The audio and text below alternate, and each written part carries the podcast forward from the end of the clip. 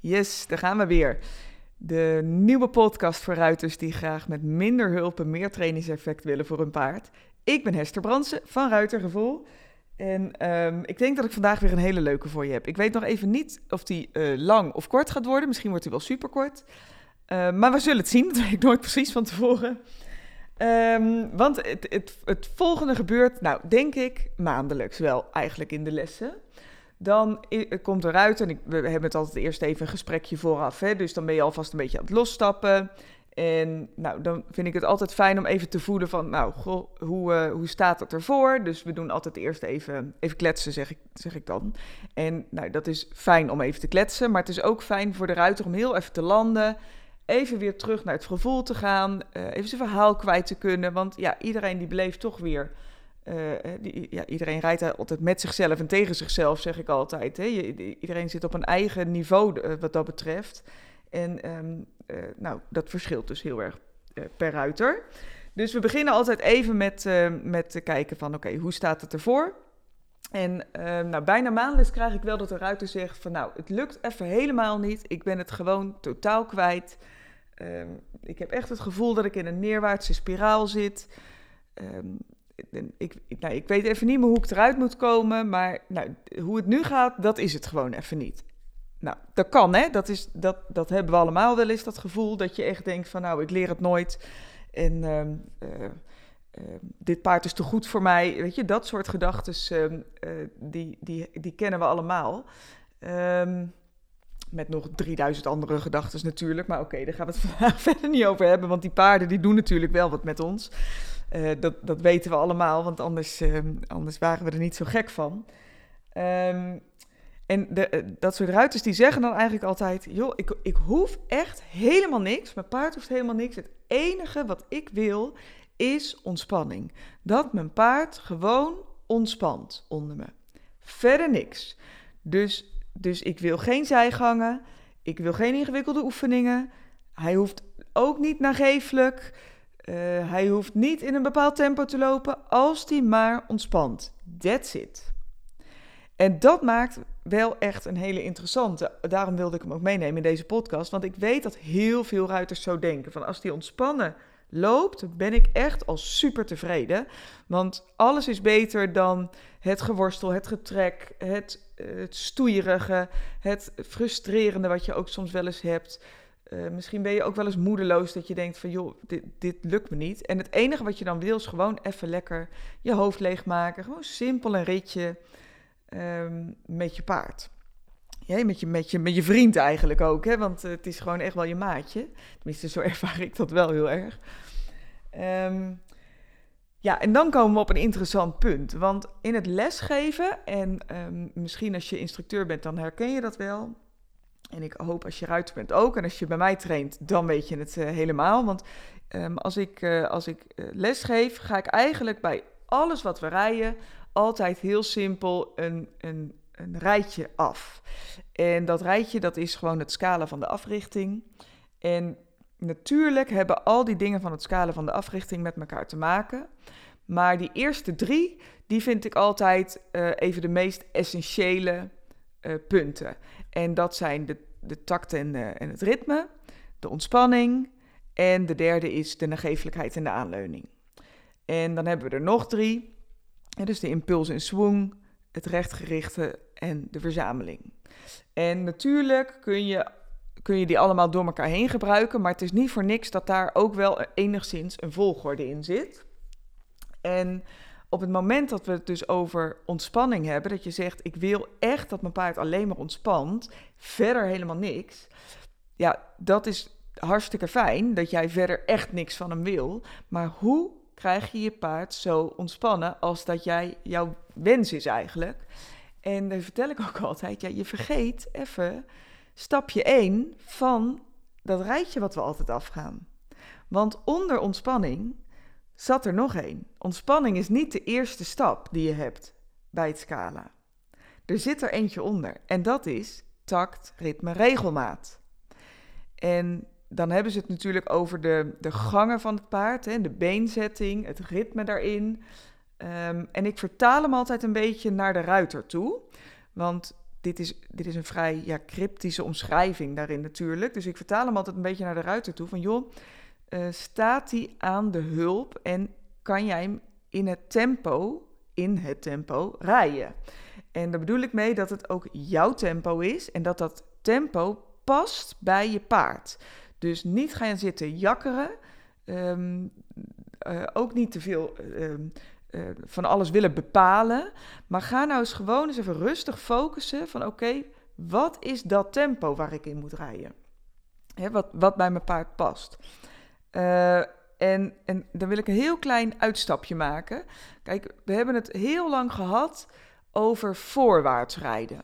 En voorwaarts rijden, dat is uh, een beetje doorgeslagen in de dressuur. Want um, ik kreeg op een gegeven moment ook echt best wel veel ruiters, ook in clinics en zo, die dan vonden dat het paard voorwaartser moest worden. En die gingen dan echt als een malle door die baan heen jakkeren.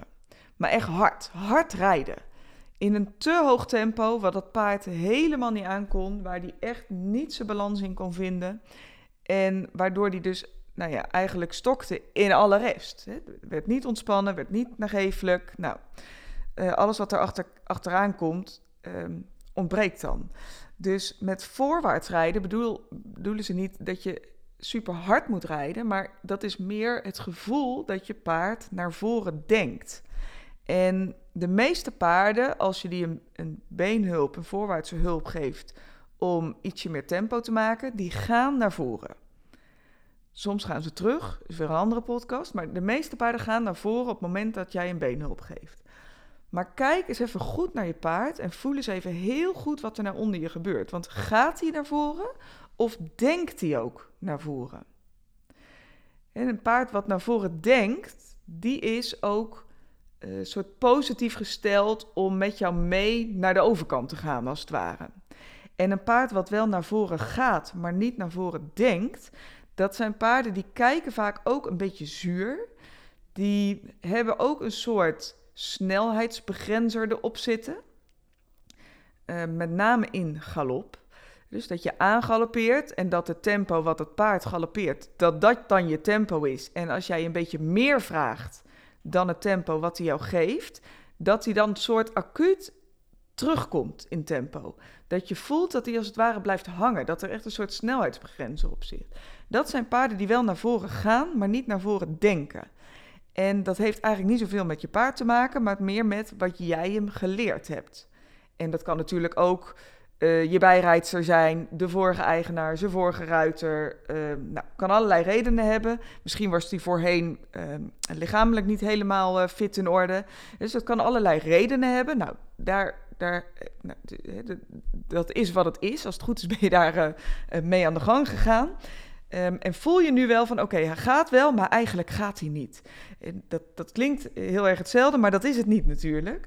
Dus een paard wat voorwaarts denkt, dus die ook uh, niet zuur kijkt, geen strak bekkie krijgt, geen strak lijf krijgt, uh, maar echt jouw been aanneemt en, aanneemt en enthousiast um, met die voorwaartse hulp aan de slag gaat, zonder als een maloot onder jou uit te schieten, hè, want dat is dan weer het andere uiterste. Dat is een paard dat voorwaarts denkt. En dat rijdt ook heel prettig, heel vloeiend, heel natuurlijk. Um, maar nu gaan we dus weer, dat was even een kort uitstapje, nu gaan we dus weer heel even terug. Dat wordt dan toch weer langer dan ik denk, hè, die podcast. Ik denk, nou, deze heb ik met vijf minuten gemaakt. Maar oké, we zitten al uh, op een minuutje of, uh, nou, negen, tien, zoiets. Het is een paard wat, wat uh, echt alleen maar ontspannen hoeft te lopen van zijn ruiter, omdat het gewoon even moeilijk is in de training, omdat ze even, even in, een, in een moeilijk stukje zitten. Um, dat je ook echt soort bijna opgeeft en zegt, joh, ik wil alleen maar ontspanning, verder niks. Um, daar moet je dus stapje 1 voor gaan doen om hem ontspannen te krijgen. En dat betekent dat je aan de slag moet met uh, hoe enthousiast jouw paard uh, met jou door de baan of op buitenrit, whatever, maakt niet uit, uh, door de baan wil lopen. Dus als je zegt van oké, ik wil die ontspanning en hij is nu vooral gespannen en ik heb overal hakkeltjes en wiebeltjes en uh, storingen zitten, dan is het niet de oplossing om dan maar niks meer van je paard te vragen. Want door niks te doen, wordt het erger. Niks doen maakt het erger. Dus als jij zegt, ik vraag niks van hem als hij maar ontspant, gaat een paard niet van ontspannen. Sterker nog, dan gaat hij zelf een plan maken, want jij hebt geen plan. En dat is gewoon het natuurlijke instinct van een paard. En als jij geen plan hebt, maakt hij zelf een plan. En ik kan je vertellen, dat is vaak een slechter plan dan het plan wat jij anders zou hebben. Uh, in ieder geval voor de ruiter. Misschien is het voor het paard een prima plan, maar daar wordt het niet leuker van in de samenwerking. En we willen juist wel dat het heel leuk blijft in de samenwerking. En dus ga met je paard aan de gang en kijk eens of je in ieder geval, dat is de eerste opdracht die ik je wil geven, of je gewoon op één tempo kan blijven rijden. Dus één tempo in de stap, één tempo in de draf en één tempo in de galop. We gaan nog helemaal niet als een malle schakelen. Ik hou trouwens niet zo erg van dat woord van schakelen. Want dat klinkt een beetje als uh, voor, terug, voor, terug, voor, terug. Nou ja, dat, daar, nou, je, zegt, je hoort het al hoe ik het zeg. Daar wordt het alleen maar hectisch van. dus we gaan, we gaan eerst maar eens even je paard leren op één tempo te lopen. Dus op het moment dat je voelt dat hij een beetje terugkomt in tempo, vul je een beetje bij op je been. En zodra die aangevuld naar voren loopt, laat je je been weer afhangen. That's it dus je laat je hulp los op het moment dat die mee naar voren denkt met jou. Dus niet de hulp blijven herhalen om hem in draf te houden. Nee, aanvullen, loslaten op het moment dat je paard het goede antwoord geeft. Is jouw paard meer van het vluggen, een beetje eronderuit schieten, zachtjes opvangen, op je zit, zacht je hand sluiten en daarna gelijk weer naar het neutrale punt, het nulpunt. Ook wanneer je weet dat je paard als een malle gelijk weer onder jou doorschiet zodra je loslaat in je hand.